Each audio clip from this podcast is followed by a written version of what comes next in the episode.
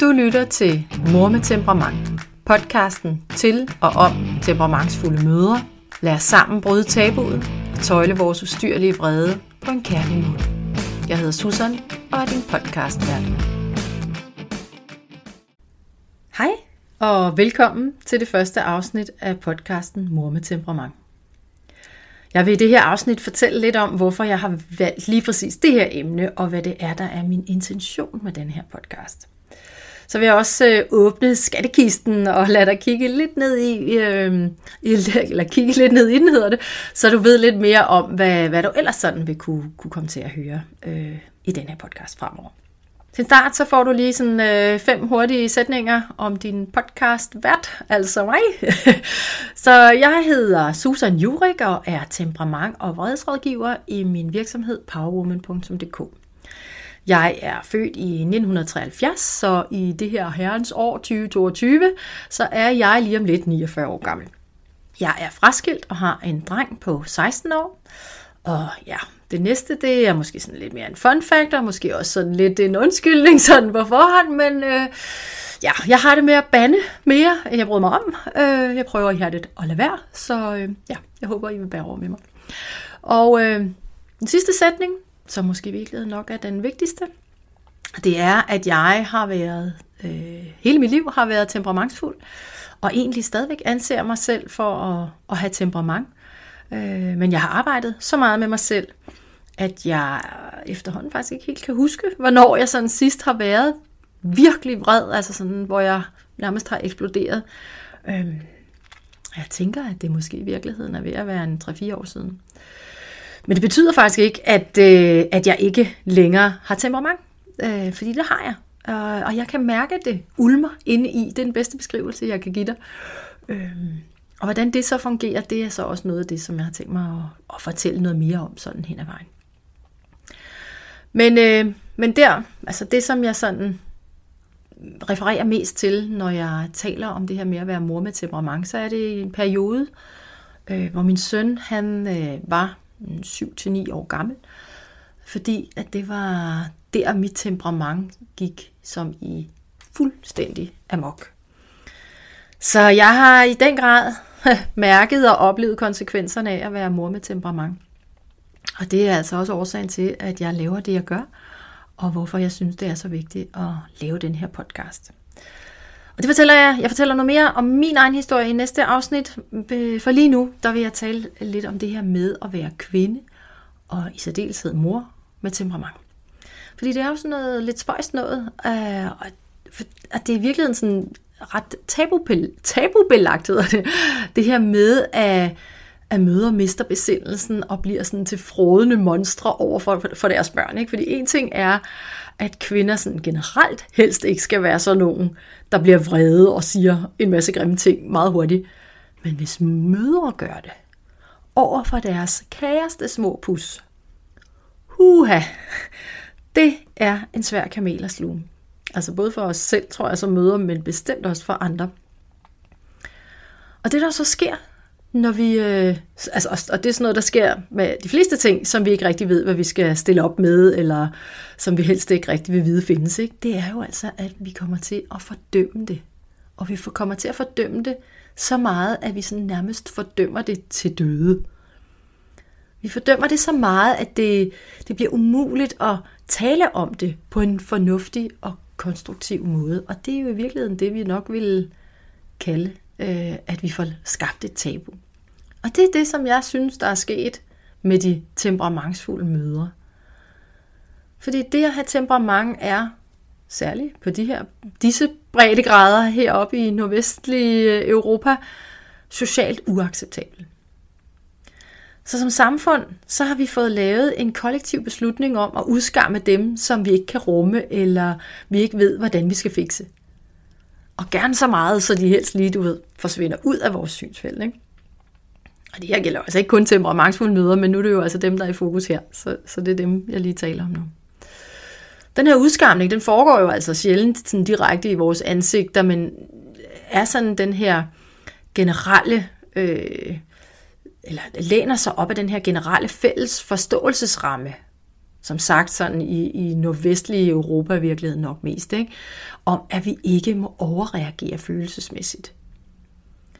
Altså, og faktisk bare det at, at have følelser er, er noget, som vi har det virkelig svært med. Og hvis jeg siger heldigvis, så fornemmer jeg, at der er ved at ske en drejning. Men i årtier, så har det bare været sådan, at følelser helst var noget, som der skulle lægges låg på, og kommer så alligevel til at give udtryk for dem, jamen, så var man øh, hysterisk, eller skinger, eller en tudmarie, eller øh, jeg har i hvert fald ofte oplevet, øh, at der sådan bliver talt øh, voldsomt nedsættende omkring det, for eksempel at tage en beslutning øh, med følelserne. Puha, det må vi ikke. Og den her fælles øh, forståelsesramme, eller fælles værdi, kunne jeg måske i virkeligheden bedre tænke mig at kalde det, som øh, der er sat for vores samfund, handler jo om, at vi er blevet enige om, at kontrol og fornuft og rationalitet, det er godt, og lystlumhed og at handle for, ud fra sine følelser og mavefornemmelser, øh, og jeg er helt bevidst om, at begge de her to ting, det vil lande for mange i den kategori, som vi vil kalde irrationalitet, øh, men det er helt bevidst, at jeg kalder dem noget andet, men de er farlige. Og det der så sker, det er, at indirekte, så kommer de temperamentsfulde til at sparke så meget til den her fælles forståelsesramme, eller fælles værdi, hvad vi nu skal kalde den, at vi kommer til at dømme os selv ud af fællesskabet. Og er der noget, vi mennesker ikke bryder os om, så er det at stå uden for fællesskabet. Det er faktisk sådan hele vores grundpræmisse som mennesker at være en del af flokken. Vi kan ikke eksistere, hvis ikke vi bliver accepteret af resten af flokken. Og den bevidsthed for den temperamentsfulde mor til at skamme sig. Virkelig skamme sig bag lukkede døre. Den her bevidsthed gør også, at hun ikke fortæller hvem som helst, hvem hun i virkeligheden er. Og skulle hun så alligevel driste sig til at gøre det, så bliver hun enten mødt med overbevisning om, at hun bare skal tage sig sammen. Det er højst sandsynligt nok lidt de samme mennesker, som kunne finde på at sige det samme om stress og depression.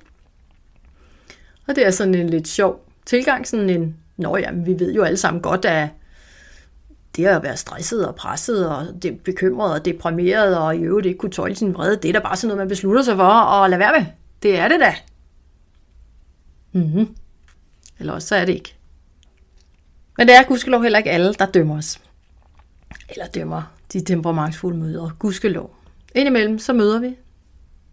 Og det kunne måske være, at vi gik til en læge for at fortælle om, øh, hvad vi føler, vi fejler, eller vi har i hvert fald er udfordret på. Jeg har hørt det her fra en af mine klienter, øhm, som gik til en læge. Det kan være, at vi, øh, vi fortæller nogen, som er nær os, eller en læge, eller hvem det nu måtte være, en sød kollega, som vi er ok fortrolige med omkring, hvordan vi er udfordret. Og de her mennesker er jo søde og rare mennesker, som vil os det godt. De lytter, og så ser de på os, som om vi er overbekymrede teenager med skyhøje forventninger til os selv om, øh, hvem vi skal være, og at vi, de tror, at det kommer til at handle om image.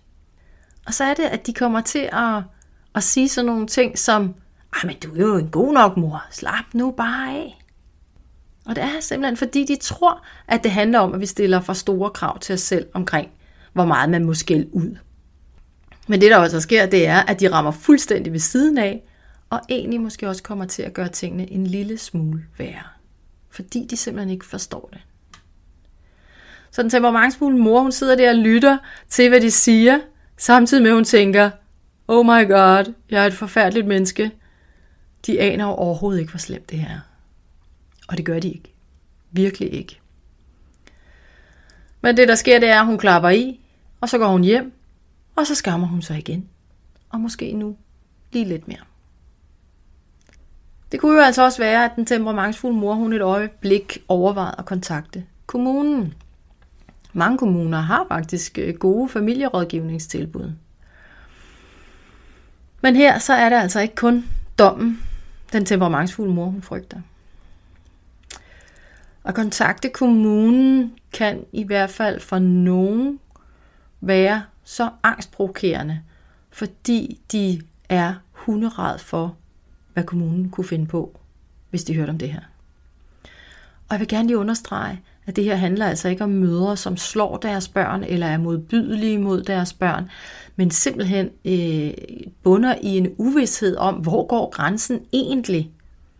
De ved jo godt, alle temperamentsfulde mødre ved godt, at det at skælde så voldsomt ud ikke er godt. Men fordi vi ikke ved, hvor meget der er, altså, og hvor dårligt det er, jamen så er det øh, mere sikkert, øh, nemmere havde jeg lyst til at sige, men i hvert fald øh, bedre og mere trygt at holde det skjult. Men det jeg også vil sige med det her, det er faktisk også, at jeg ofte oplever, når jeg får en ny klient i stolen, at de siger, det her har jeg aldrig fortalt til nogen.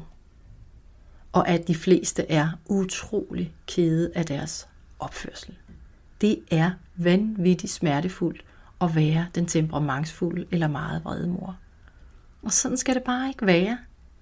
Så kan vi nedbryde tabuet og droppe fordømmelsen og se igennem adfærden, jamen så er det jo også, at det bliver muligt at gøre noget ved vreden og raseriudbrudene, og faktisk hjælpe den temperamentsfulde mor. Og indirekte jo altså også hendes børn. Med den her podcast, der er det min intention at nedbryde tabuet omkring at være en mor med temperament. Ved at fortælle min egen temperamentshistorie, men også at invitere andre mødre, som har mod på at fortælle deres øh, historie ind her. Så vi kan føle, at vi trods et stort temperament er en del af flokken. Og derudover så vil jeg jo altså også gerne, hjertens gerne, dele min viden og erfaring fra mit arbejde med temperament og vrede med dig. Så du kan få inspiration til, hvordan du kan blive bedre til at tøjle vreden og temperamentet, og i stedet bevare ro.